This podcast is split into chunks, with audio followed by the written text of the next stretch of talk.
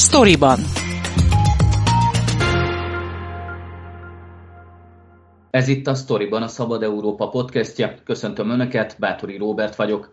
Ebben az epizódban kollégámmal, Fazekas Pálmával beszélgetek, aki nemrég a párkapcsolati erőszakról készített interjút, amiből például kiderült az is, hogy Magyarországon csak nem 200 ezer olyan nő él, akik nap mint nap szenvednek el fizikai vagy éppen szexuális erőszakot. Ugye Pálma ezt az interjút két részre bontottátok, Virt Judittal beszélgettetek, aki a NANE munkatársa arról, hogy hát mi is ez a jelenség Magyarországon, amely csak nem 200 ezer nőt érint. Az első részben megpróbáltátok megprofilozni azt, hogy kikből lesznek a bántalmazók, mennyire sikerült ez, illetve hát milyen eszközöket vetnek be ezek a bántalmazók, hogy megtörjék a, a partnerüket? Igen, ez egy nagyon szerteágazó téma, ezért is dolgozzuk fel két részben, mert azt gondolom, hogy itt talán befogadhatóbb lenne, ahogy te is mondod, az első részben elsősorban azzal foglalkoztunk, hogy kikből lesznek bántalmazók, hogy lehet -e ezt bármiféle iskolázottsághoz, anyagi helyzethez, szociális státushoz kötni, és igazából az derült ki, hogy nem.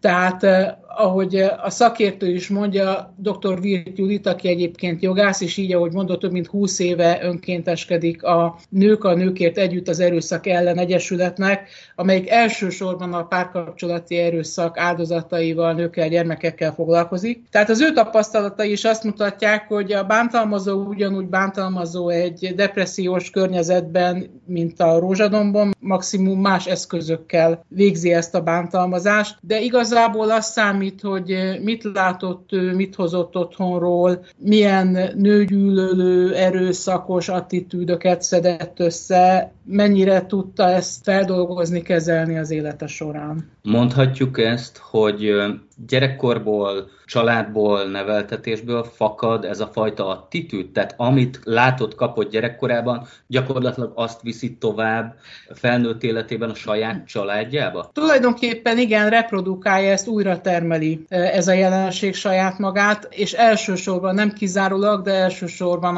otthonról hozott készségek, látottak azok, amik ezt felerősítik. Pálma, beszéljünk egy picit arról, hogy ezek a bántalmazók milyen eszközökkel élnek. Ugye azért a legsúlyosabb fizikai bántalmazástól kezdve beszélhetünk még a, hát hogy mondjam, a pszichoterrorról is.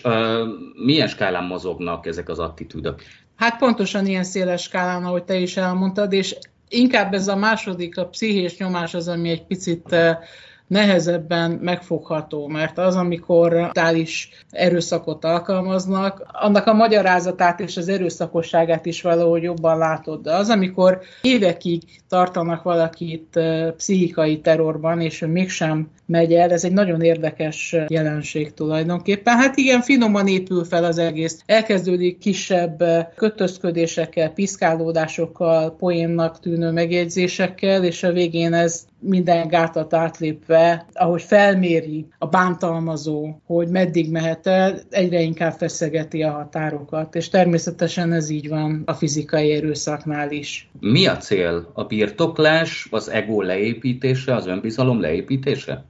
Így van, ez a kettő, illetve az, hogy meggyőzze a másikat arról, hogy tőle függ, nélküle nem ér semmit, önmaga képtelen bármilyen szinten érvényesülni az életben, tehát egyfajta függőségi viszony, ami aztán később párosul, vagy rögtön az elején is akár fenyegetéssel, tehát hogyha valaki megpróbálna ebből kilépni, akkor meggyőzi őt a bántalmazó arról, hogy nem tud, mert megtalálja, utoléri, bosszút áll rajta. Ilyenkor szokták bevetni a, a gyerekeket is, mert hogyha vannak egy ilyen kapcsolatban gyermekek, a bántalmazott, akik azért az esetek nagy többségében nők, bár férfiak is vannak, kiszolgáltatottá válnak, és a gyerekek révén ott lehet még a kapcsolatban tartani. Például egy nagyon jellemzője, hogy végre valaki eljut addig, hogy kilép egy ilyen kapcsolatból, mondjuk, és eljutnak a vállásig, akkor kezdi el gyerekért perelni a bántalmazó, a bántalmazottat, mert tudja, hogy ezzel is meg tudja őt fogni. Lesznek ezekből bántalmazási ügyekből rendőrségi ügyek? Nagyon ritkán lesznek, ahogy ezt a szakértő is elmondja. Több eszköze is lenne a rendőrségnek, de valahogy mégsem használja fel mindegyiket például a távoltartást sem. Erre a podcastban Spanyolországból van példa, ahol azért ez sokkal hatékonyabban működik, de nagyon nehézkesen avatkozik közbe a rendőrség. Beszéljünk erről a, a spanyolországi példáról, ez szerintem az baromi érdekes, illetve arról is, hogy a magyar rendőrség kezében azért széles eszköztára lenne arra, hogy ezekben az ügyekben fellépjen és eljárjon, de valahogy mégsem tűnik úgy, hogy, hogy használnák ezeket. Miért nem? Egy részéről nem is tudnak, egy másik részét hiába valónak tartják. Tehát van olyan rendőr, aki kimegy esetleg intézkedni, és nem is tudja, hogy milyen eszközök vannak a kezében. A, azt hiszem három nap az, amire azonnal le lehetne ezt a távoltartást rendelni, de nem is mindenkinek van egyébként erre jogosítványa a rendőrségen belül sem. Másodszorban pedig utána nem biztos, hogy a bíróság meghosszabbítja ezt a távoltartást. Nem mindig sikerül megfelelő bizonyítékokat gyűjteni, hogy ezt az intézkedést bevessék, és eh, ami érdekes, hogy későbbiekben azért, amikor eldurvulnak ezek a bántalmazások, ahogy a szakértő is mondja, mindegyiknél tetten érhető az, hogy hány helyre próbált a bántalmazott az évek során, mert ezek évekig tartanak ezek a tortúrák segítségért folyamodni, és valahogy nem kapott. Tehát ez a hatósági és szociális háló nem működik, csak akkor, amikor már vér folyik. Arról is beszélgettetek, hogy Spanyolországban kitűnő megoldások vannak a távoltartásra. Néhány mondatot tudnál nekem erről mondani, hogy ott hogyan működik? Igen, hát ellenpéldaként éppen ezt hozta fel Virt Judit, hogy például ott a távoltartás esetében mindkét fél, a bántalmazó és a bántalmazott is kap egy nyomkövetőt, tehát figyelik, hogy ők hogyan mozognak, hiszen nem biztos, hogy valaki szándékosan sérti meg ezt a jogszabályt. Hogyha valahol kisebb területen laknak, akkor elég könnyen belekerülnek abba a hatótávba, amit nem enged meg ez a távoltartó szabály, és akkor rögtön értesítik mind a kettőt, hogy valahogy távolodjanak el egymástól. Mit mond a rendőr? Felhívja esetleg a bántalmazottat, hogy... Azonnal szól neki, igen, hogy forduljon meg 180 fokkal, és valahogy induljon el az ellenkező irányba, mert ha nem ezt teszi, akkor ebből baj lesz. Beszéljünk egy picit a számokról. Ugye Virt Judit azt mondta neked az interjúban, hogy nagyjából 200 ezer embert érinthet ma Magyarországon párkapcsolati erőszak. Lehet tudni azt, hogy ezek mennyire friss számok, illetve honnan vannak ezek az adatok?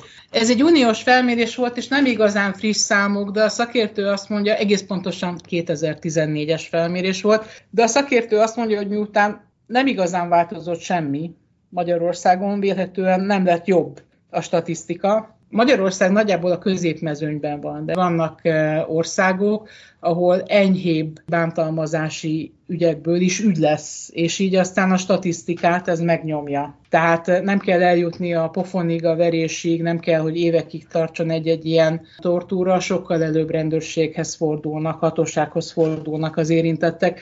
Egy szóval ez egy 2014-es felmérés volt, és valóban azt hozták ki belőle, hogy nagyjából 200-220 ezer nő él bántalmazó kapcsolatban jelenleg is, amikor mi most beszélünk, és nagyjából fél millióan vannak, akik életük során ilyen kapcsolattal találkoznak, vagy ilyen kapcsolatot kénytelenek elviselni. A jogszabályi környezet megfelelő lenne ezeknek az eseteknek a, a felderítésére, vagy akár megelőzésére, vagy ott is lenne még azért javítani valója? Hát megelőzésére mennyire lenne jó, azt igazából nem tudom felmérni, azt gondolom, hogy ahhoz kellene egy társadalmi érzékenyítés. Mert a megelőzésnél azt tudom elképzelni, hogy, hogy a környezet is jobban figyel, és jobban mer beleszólni. De hát az a helyzet, hogy úgy élünk, hogy ez az ő dolguk, ami az ajtó mögött történik, ahhoz nekünk semmi közünk, és nem igazán szól bele sem a tágabb baráti környezet, sem a család adott esetben a, az idegenek meg pláne nem. A, a törvényi háttér az nyilván lehetne jobb, mert mindig lehet jobb, de azért ezekhez a jogszabályokhoz többször hozzányúltak, és ahogy a szakértő is elmondja, pontosan le van benne írva, hogy mit kell tennie a rendőrnek, mit kell tennie a szociális munkásnak, a családvédőnek, tehát azért tudnák a szervezetek, hogyha alaposabban tanulmányoznák ezt, és érvényt is szereznének neki, hogy hogyan járhassanak el hatékonyabban.